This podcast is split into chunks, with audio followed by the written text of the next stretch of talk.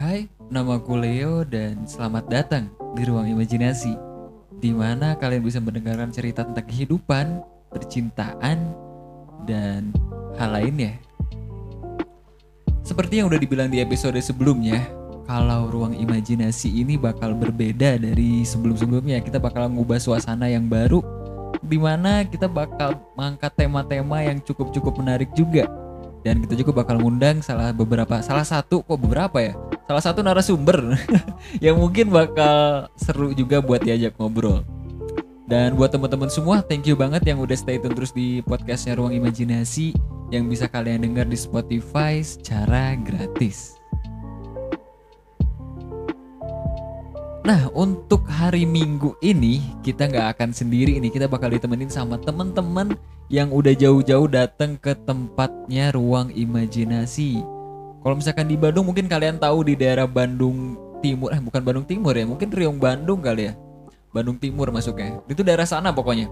Itu jauh-jauh datang ke Bandung Barat dan itu ujung ke ujung. Wih, gila ini udah salah satu yang keren banget deh diundang.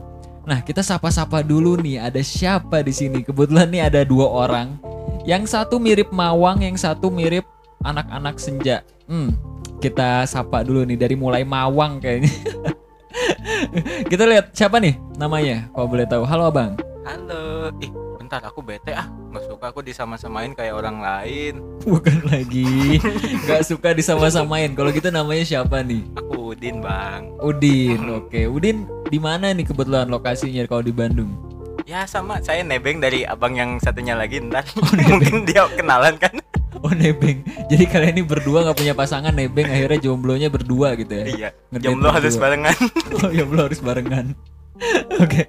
Ini satu lagi siapa nih anak senja satu ini? Siapa nih namanya nih? Bentar, saya revisi dulu ya. Saya bukan anak senja. Sekali Oh. lagi saya terapkan, saya bukan anak senja, Pak. Jadi jadi anak apa nih? Anak eh, lajang, bujang atau apa? Saya anak mamah dan papa. Oh anak mama dan papa. Oke. ini panggilannya siapa nih kebetulan nih? Kalau boleh tahu? Nama samarkan aja ya, panggil aja Tengil. Oke, panggil aja Tengil sesuai karakternya Tengil. Oke. Kenapa kok bisa dipanggil Tengil? Nggak tahu, mungkin karena kelakuannya kali. Oh kelakuannya padahal namanya bagus loh Aprilia di Devri. Tapi kenapa dipanggil Tengil coba ya? ya Heran. bocor. Ya bocor. Bocor. Ya, Pak, percuma dong saya privasiin, Pak. Bocor dong namanya. Aduh. Eh tapi BTW ini ya eh Gue pengen nanya-nanya sama kalian. Kebetulan kan tema malam ini kita nggak berat-berat banget sih. Kita temanya tentang sosial media addicted. Di mana orang-orang itu udah candu sama yang namanya sosial media Entah itu Instagram, Whatsapp, atau apa pun itu ya Platform lain.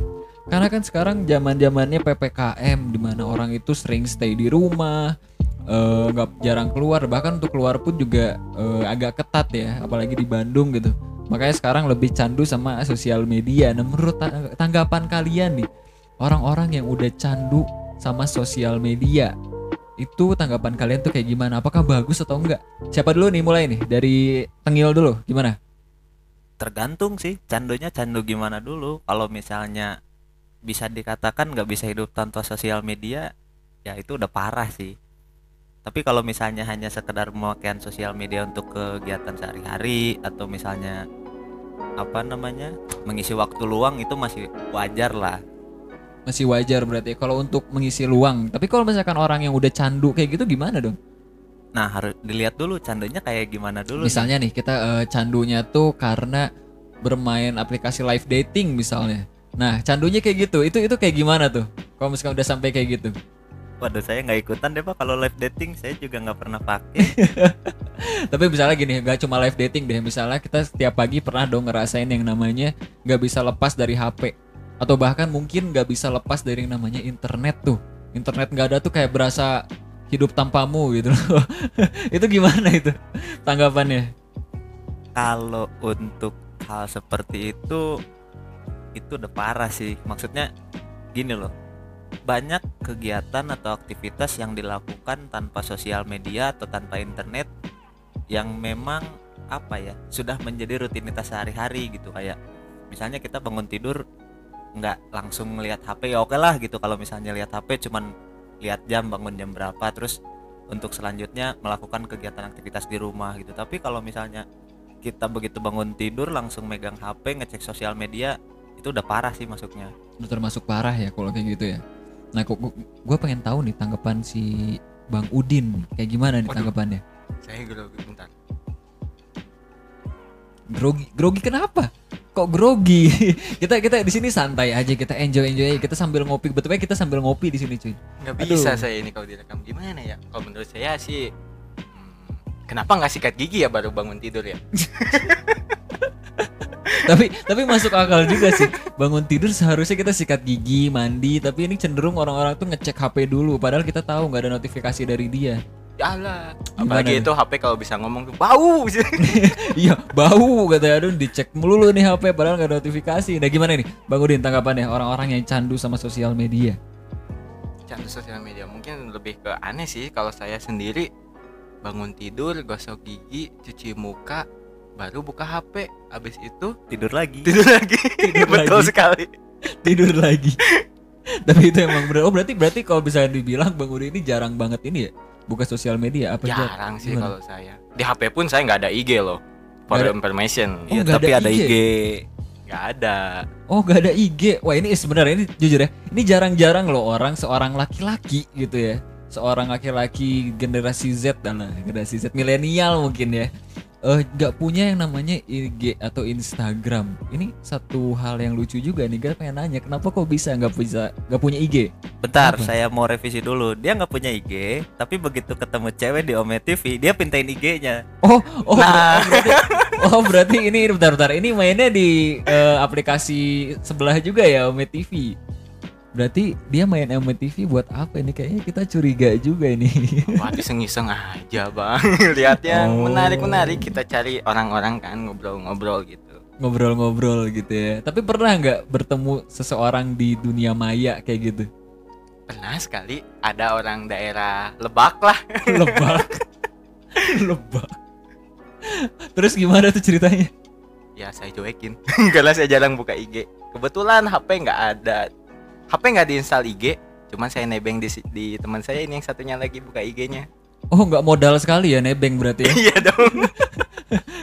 kita kita tuh harus memanfaatkan yang ada btw. Betul itu. Kreatif. Kreatif sekali lagi ada yang gratis kenapa enggak ya nggak sih? Betul. Tapi btw nih kita balik lagi ke topik nih ya.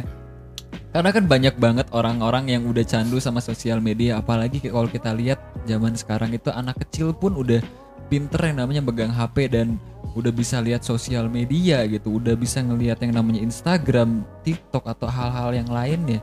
Kok bisa gitu? Nah, kita pengen dengar tanggapan kalian nih. Apakah yang kayak gitu tuh sebenarnya worth it apa enggak? Apakah harus dididik dari awalnya seperti apa sedangkan kita di zamannya era PPKM yang sering di rumah notabene-nya ya yang di mana kita sering membuka HP, membuka platform Instagram atau hal lainnya. Nah, untuk anak kecil sendiri itu kayak gimana? Siapa dulu nih? Boleh, Bang Udin. Eh, Bang Udin. Siapa Salah tadi? nama Oh, bang. nama ya, Tengil ya namanya. Astaga. Gimana gimana Tengil, tinggal, tinggal, tinggal. Gimana Ngil? gimana apanya nih Tanggapan eh, Abang satu ini tentang anak kecil yang sudah bermain sosial media. Mungkin bahkan belum cukup umurnya kali. belum cukup umur usia berapa tuh Mungkin usia-usia balita kali ya, usia-usia mungkin di bawah 15 tahun. usia 15 tahun yang ditonton apa dulu nih Nah, kita kurang tahu juga nih. Kemudian kalau misalnya di- mereka nonton-nonton hal-hal yang berbau dewasa gitu. Nah, tanggapan kalian tuh kayak gimana? Wah itu balik lagi sih ke orang tuanya karena gini loh Instagram itu ya katakanlah Instagram itu itu Instagram suatu platform yang memang nggak ada batasan umur sih kalau menurut saya jadi mau anak kecil sekalipun kalau misalnya dia maaf agak sedikit nakal itu konten yang 18 plus itu udah pasti muncul Udah Balik. pasti muncul. udah pasti muncul karena yang namanya sosial media apa yang saya bilang tadi itu tidak ada batasan umur anak kecil sekalipun kalau misalnya tahu itu bisa ngeaksesnya loh Hmm, berarti peran orang tua itu memang sangat penting juga ya. wah penting banget lah Hmm, oh, berarti berarti memang kita harus dididik. Tapi bagus nggak sih kalau misalkan masih masih kecil itu kita disuruh megang HP? Kalau megang HP-nya hanya untuk pengetahuan umum ya sah-sah saja sih. Tapi kalau misalnya kayak kan nggak sedikit nih orang tua yang istilahnya memberikan akses ke anaknya itu buat nonton sosial media tanpa di apa namanya tanpa ditinjau gitu atau dibimbing lebih lanjut sama orang tuanya itu sendiri. Hmm, Oke oke oke. Berarti memang bener ya yang namanya peran orang tua itu penting banget kalau gitu ya. Harus dipantau juga berarti kalau gitu. Oh iya penting banget lah dipantau. Nah kita pengen tahu nih seorang seorang mawang eh kok mawang lagi Salah lagi, Pak.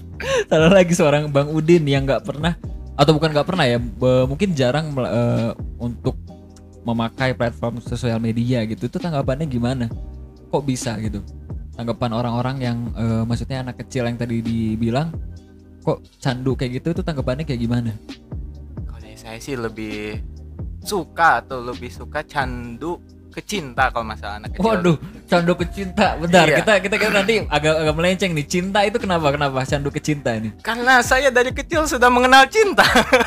Dari kecil mengenal cinta.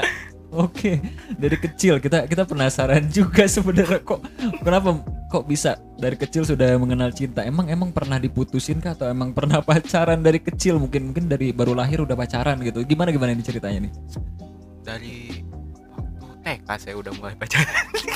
Seriusan TK? Seriusan? Saya Serius udah TK? cinta sama cewek. Waktu Serius? TK. Serius daripada candu internet kan mending candu cinta. beda zaman pak beda zaman Oh iya beda, Beda zaman, beda ya. zaman. Kita kita terlalu muda, dari dia terlalu tua ya. Kita Iya, abang-abang berdua ini yang tertua. Oh, kita yang terlalu tua. Eh, udah, udah. Kita kita jangan bahas tua. Ini kita tuh bukan orang tua, tapi orang yang dituakan. Nah, itu aja. Lebih lebih lebih ininya.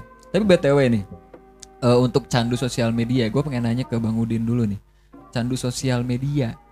Eh, untuk anak-anak zaman sekarang nih ya kan banyak banget nih orang-orang yang udah eh, addicted banget di mana-mana pegang HP. Mungkin kalau bisa dibilang generasi menunduk, benar gak sih? Generasi Betul. menunduk. Nah, itu kalau yang kayak gitu eh, menurut Bang Udin sendiri itu sebenarnya pas nggak sih atau worth it nggak sih di zaman daerah sekarang ini Kalau di zaman sekarang sih lumayan worth it. Worth it kan betul penyebutan saya? worth it iya eh, apa ya worth it berarti Masuk akal masuk akal Iya Nah, kan? masuk akal. ya cukup masuk akal kalau untuk zaman sekarang. Zaman generasi menunduk.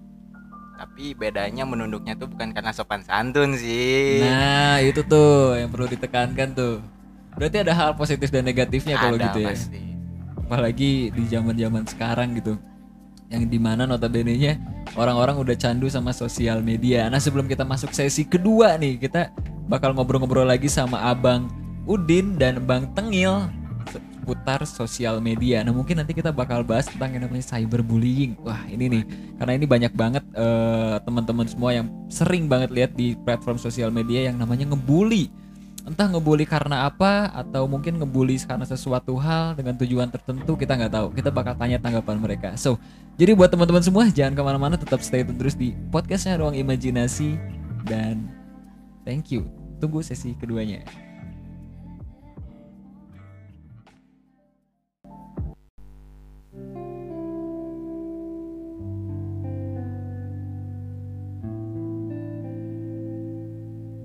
Masih balik lagi bersama gua Leo yang kita akan ngebahas tentang sosial media dan kali ini di sesi kedua masih bersama teman-teman terbaik kita yang udah jauh-jauh datang kehujanan kaum para jomblo.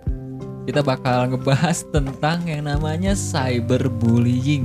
Nah, buat teman-teman semua mungkin pernah ya ngedenger namanya cyberbullying di mana eh, kita kalau udah sering bermain platform sosial media, kita sering banget ngelihat yang namanya komenan-komenan yang di mana itu sarkas atau mungkin bisa dibilang ngebully salah satu pihak tertentu.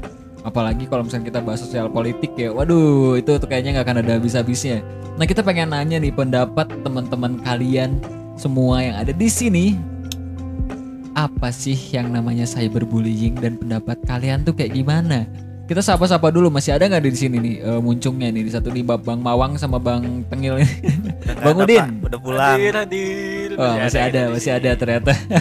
nah, kita pengen bahas tentang namanya sosial media. Eh, sosial media. Kita bakal bahas namanya cyberbullying. Nah, menurut pendapat kalian nih, cyberbullying itu kayak gimana? Karena sekarang kan cenderung orang-orang sering banget bermain namanya media sosial. Dan pasti sering lah ngeliat namanya komen-komenan atau apa pun itu yang berbau bully. Nah menurut pendapat kalian tuh gimana tuh? Dari siapa dulu nih? Dari Tengil dulu. Boleh, Tengil gimana? Gimana apanya pak? Saya agak sedikit apa ya kalau untuk masalah mengartikan saya nggak kurang ini. Cuman ini ada saya menemukan artikel yang setelah dibukukan ternyata. Di sini ada orang yang berpendapat tentang cyberbullying. Oke. salah Gimana satunya aja ya saya sebutin. Boleh. Menurut Nurjana tahun 2014, cyberbullying adalah perilaku agresif, intens, berulang yang dilakukan oleh individu dan perorangan dengan menggunakan bentuk-bentuk pemanfaatan teknologi dan elektronik sebagai media untuk menyerang orang tertentu. Untuk menyerang orang tertentu berarti lebih kayak menyudutkan satu pihak, benar gak sih? Lebih ke menyudutkan satu pi- satu pihak, lebih ke kayak apa namanya? menghina atau istilahnya apa ya? Eh tambahin dong, Bang. Buta Tambahin. ini, Bang. Buntu dia ternyata. Otak saya Buntu nggak jalan, Bang. Iya iya tuh kita belum ini belum koneksi kita. Belum koneksi, harus dikonekin dulu ini. Bentar pengen ngecas dulu. Ah masuk. Ah, udah wow dicas dulu tadi.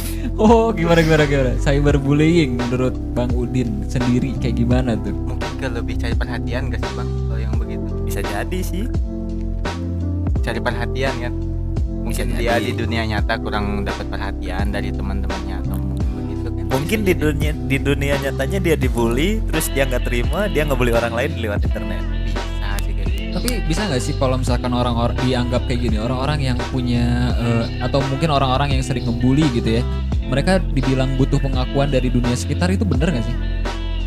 kurang lebih iya tapi saya tidak mau mengiyahkan juga karena apa ya ya mungkin apa yang saya bilang tadi mungkin dia dibully juga di tempat tongkrongannya dia nggak terima dia cari pelampiasan ya itu jatuhnya ke sosial media Ke sosial media, berarti mungkin karena di dunia realitanya bener nggak Bang Udin? Kayak gitu kali ya? Tergantung juga bang.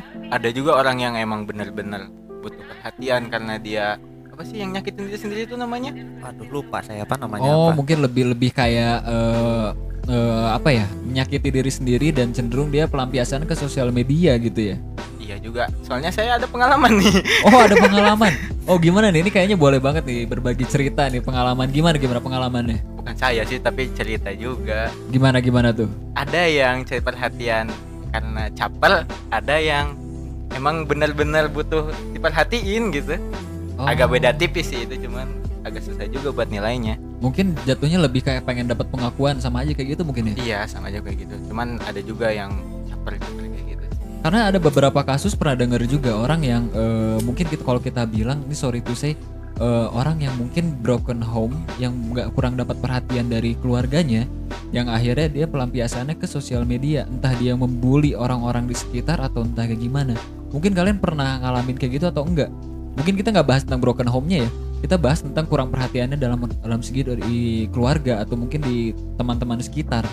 Pernah nggak ngalamin kayak gitu dan pelampiasannya ke sosial media Kalau untuk pengalaman sih nggak ada. Karena gini loh kita main sosial media juga kita nggak tahu orangnya itu lagi ada masalah apa lagi dihadapkan dengan hidup yang seperti apa. Karena gini loh rata-rata orang yang apa namanya bisa dikatakan sosial media addicted itu bisa aja karena pengalihan dia karena tidak mendapatkan perhatian orang tuanya di rumah atau mungkin dia kurang diterima di tongkrongan ya tongkrongan mainnya lah atau teman-temannya dia nggak begitu diakui sehingga ya dia menghabiskan waktunya di sosial media. Nah takutnya Mhm. begitu kalian menghina orang lewat sosial media ya kita enak tinggal ngetik-ngetik doang tanpa ngerasain apa yang orang itu rasain. Makanya nggak sedikit saya dengar orang yang kena cyberbullying itu ada yang bunuh diri juga. Oh mungkin karena mentalnya dia eh, kaget kali ya di saat dia eh, memposting atau melakukan sesuatu di sosial media ternyata ada yang ngebully. Karena mental mental sosial media itu harus kuat bener gak sih? Oh iya bener kuat. Harus ya. kuat lah. Harus kuat. Karena eh, rata-rata gini orang-orang yang sudah dibully di sosial media bahkan cenderung bisa eh, dekatnya ke depresi dan stres. Itu benar juga gak sih? Bisa jadi sih.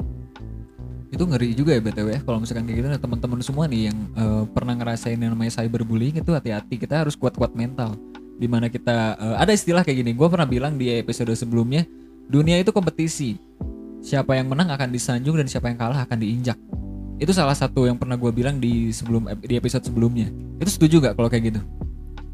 eh kalau sosial medianya bisa di ya kurang lebih seperti itu sih karena sekarang persaingan itu bukan semata-mata soal pekerjaan doang di sosial media pun hanya apa namanya dengan ingin mendapatkan followers atau atensi dari banyak orang ya tidak sedikit orang melakukan hal itu Kenapa sih zaman sekarang tuh lebih menuhankan followers? Menuhankan followers. ya Iya, angka yang berbicara bukan Tuhan yang berbicara Emang Tuhan udah nggak didengar ya suaranya ya? Waduh, ini ini bahasannya ke mana ini?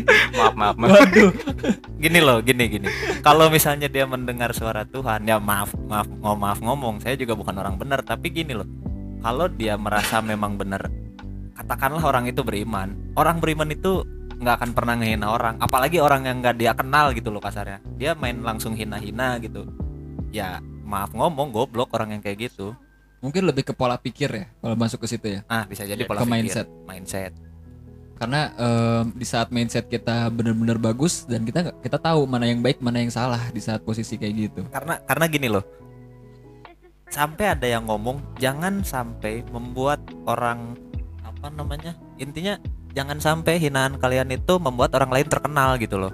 Jadi ada juga orang yang terkenal gara-gara hinaan kalian itu gitu. Tapi dia banyak duit loh. ya itu dia makanya Bisa orang yang hina dapat apa?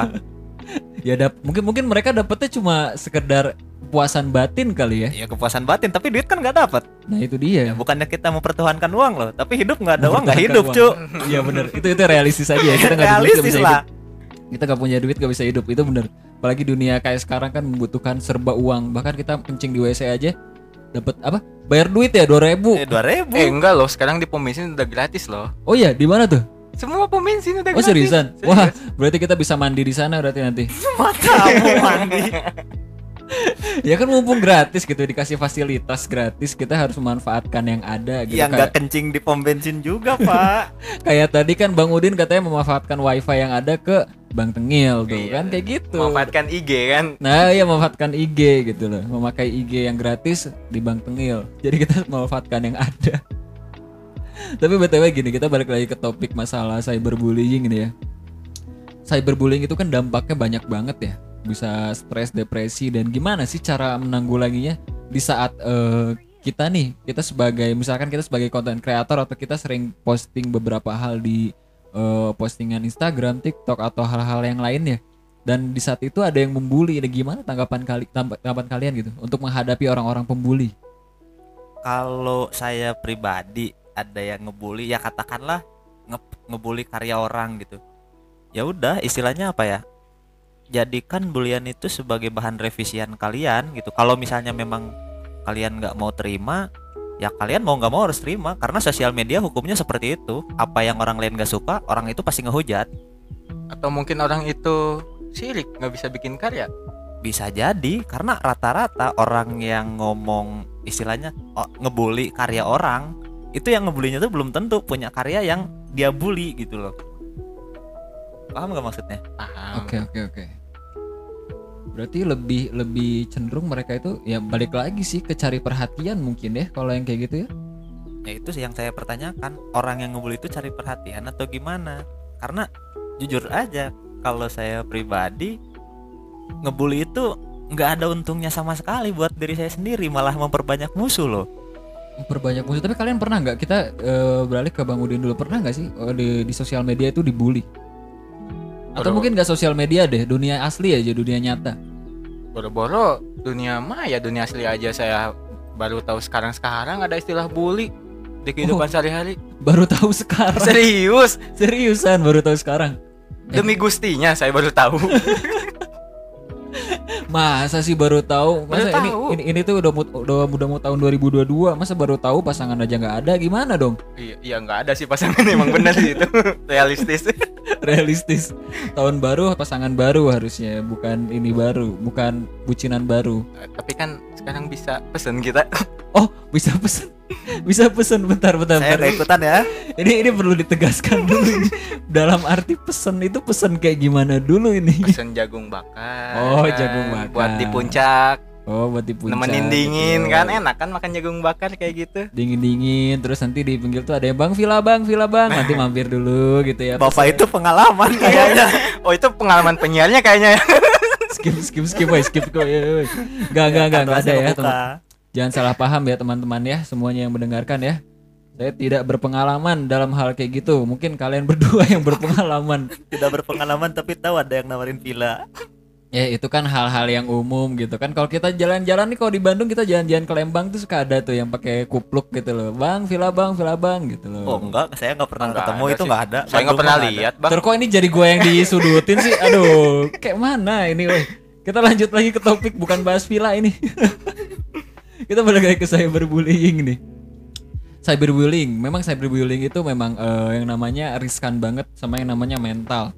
Nah, apakah benar gak menurut kalian di saat kita dibully di sosial media mental kita tuh berkurang? Coba gue pengen de- dengar pendapat kalian deh. Siapa dulu nih? Bisa jadi sih mental berkurang karena apa ya?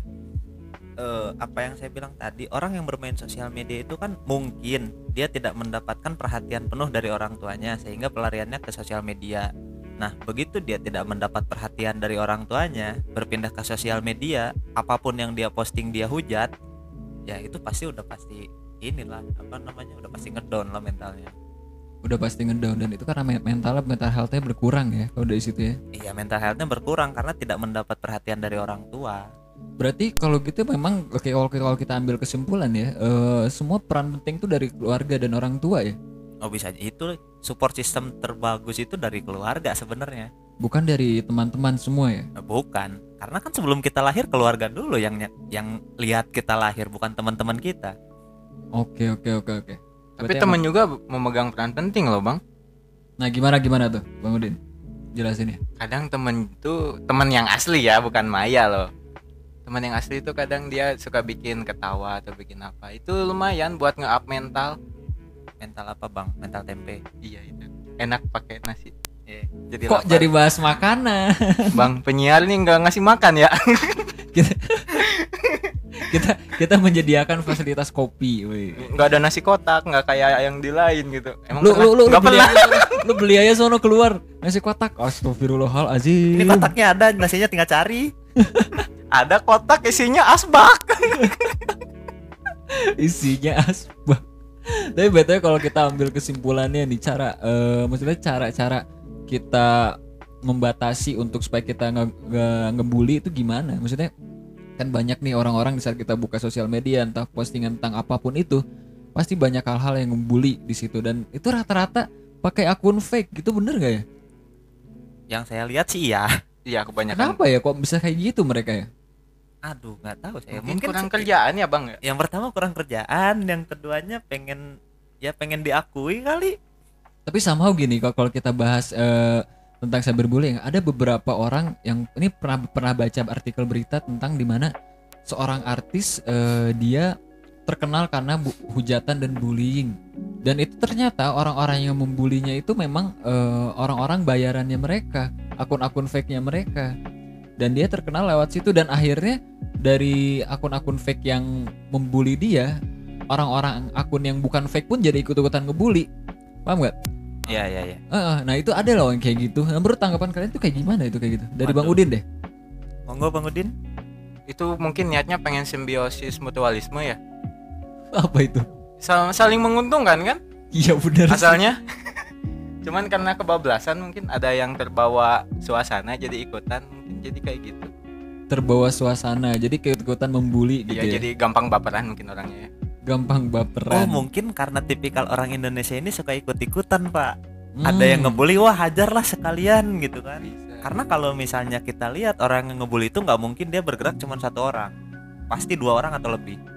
Karena ada support sistemnya dia di situ. eh eh kayak tet- tetangga sebelah nggak sih pengen tahu aja urusan Yang mana? kita, gitu. Yang mana tuh? Yang mana tuh? Ini kita kita kita, kita pengen Ada tahu nih. tetangga sebelah Nah, gitu. pokoknya tetangga masa gitu. Oh, tetangga masa gitu. Oke.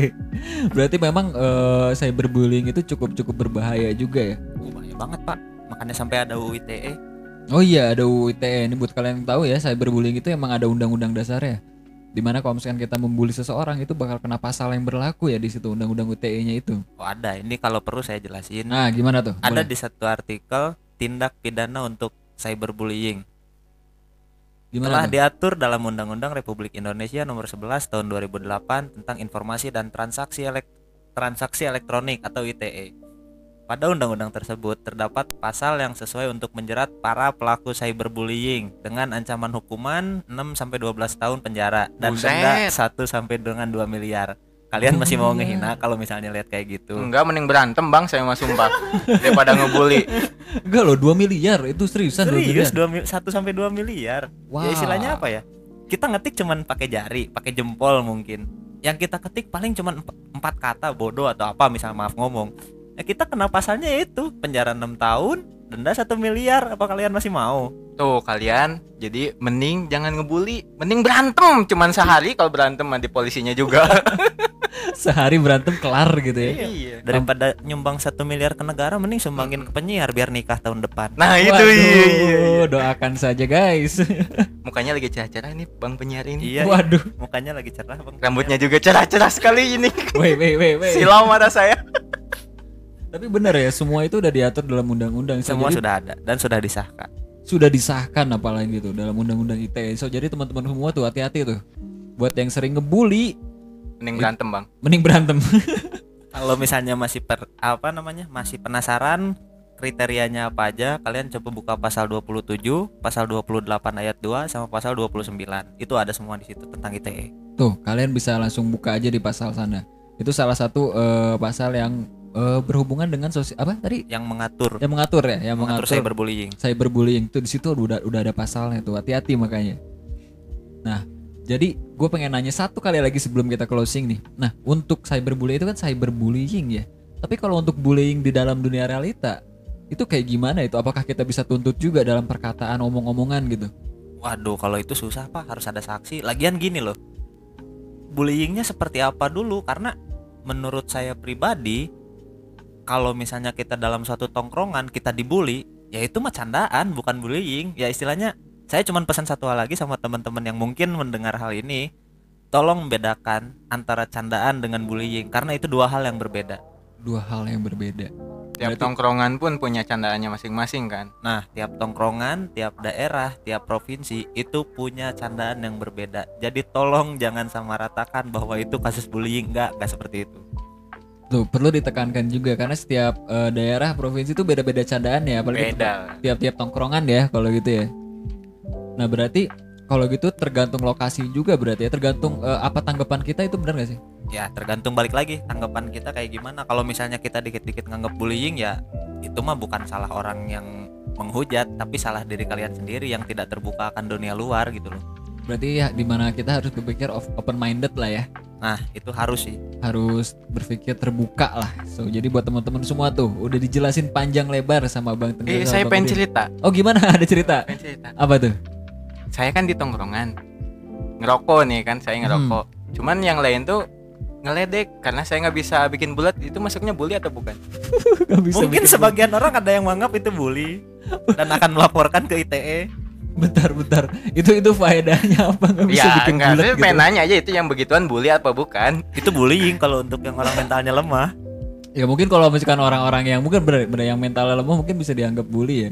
Tergantung kita tanggapannya sendiri kayak gimana mungkin ya. Karena karena gini loh kalian pernah nggak sih? Ya mungkin untuk ukuran orang yang lahir tahun 90 sampai tahun 2000 itu kalian pasti pernah ngerasain yang namanya diledek atau misalnya dipanggil dengan sebutan nama orang tua kalian pas di sekolah. Hmm bener banget nah kalau sekarang itu masuknya kasus bullying loh jangan salah. Oh iya masuk bullying gitu ada itu kasus yang kayak gitu. Wah itu itu harus hati-hati juga tuh tuh teman-teman tuh yang sering di tongkrongan kalian ngebully taunya orang yang dibulinya merasa tersinggung bisa dituntut berarti ya. Bisa Kalau gitu dari dulu saya tunduk tuh orang yang ngeledek saya. Ya lumayan dapat duit ya Iya lumayan cuan buat beli rokok lagi kan seselop. nah cu- kalau bisa nuntut saya udah kaya pak udah nggak bisa kerja ini udah dapat berapa ratus m berarti ibaratnya bully saya bully saya open bully gitu ya Open bully buat biaya hidup. buat biaya hidup keren buat open bo pak Oh jangan dong, saya kan cowok.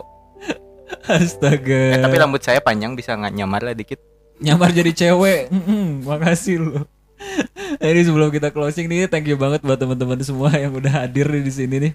Yang kita bahas tentang cyberbullying panjang lebar. Gue pengen tahu kesimpulannya buat teman-teman semua. Eh buat teman-teman nih, gue satu pertanyaan terakhir. tanggapan kalian dan apa saran kalian untuk orang-orang yang eh, mungkin sudah terlanjur berkarya di dunia maya eh, dan mereka terkena namanya cyberbullying apa yang harus mereka lakukan sebelum kita closing nih gue pengen dengar pendapat dari bang Udin dulu kayak gimana tuh Kalau dari saya sih lebih ke nyiapin mental sih kayak kayak gimana ya kayak saya nggak nggak pernah ngerasa saya tuh jadi bingung pengen ngasih sarannya.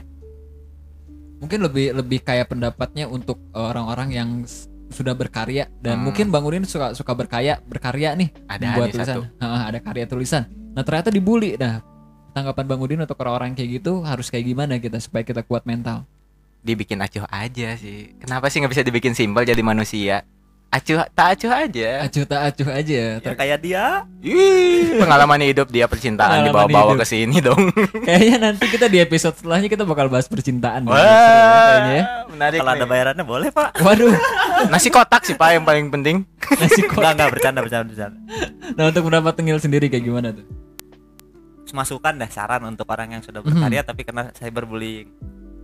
Ya kalau saran dari saya sih kalau misalnya kita masuknya ke karya ya, ya udah lanjutin aja karya. Karena orang yang ngehujat atau istilahnya orang yang nggak suka karya kita itu belum tentu dia bisa membuat karya seperti yang kita buat. Karena ah ya apa namanya apa yang saya bilang tadi di awal anggaplah suatu hinaan itu sebagai bahan revisian kalian jangan sebagai karena istilahnya sampai buat kalian ngedon gitu loh. Karena gini eh, dari hujatan orang yang kalian ngehujat itu mungkin suatu suatu kekurangan juga buat karya kalian gitu. Sama ini satu lagi saya pernah dengar omongan dosen saya di suatu universitas. Mhm. sebagus-bagusnya karya ada aja orang yang nggak suka. Itu aja sih. Mau- Bang, Bang, maaf dipotong. Revisi bab udah beres, Bang. udah bang. Alhamdulillah bang.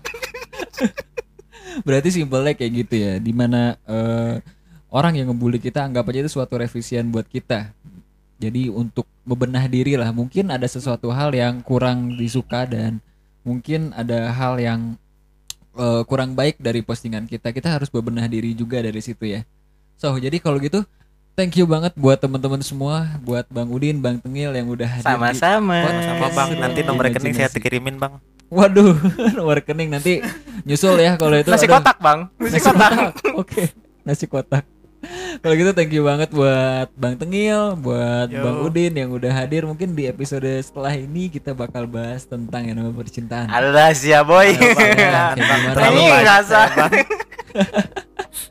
oke thank you banget semuanya buat teman-teman semua tetap stay tune terus di podcastnya Ruang Imajinasi yang bisa kalian denger di Spotify secara gratis. So nama gue Leo undur diri dan selamat datang di Ruang Imajinasi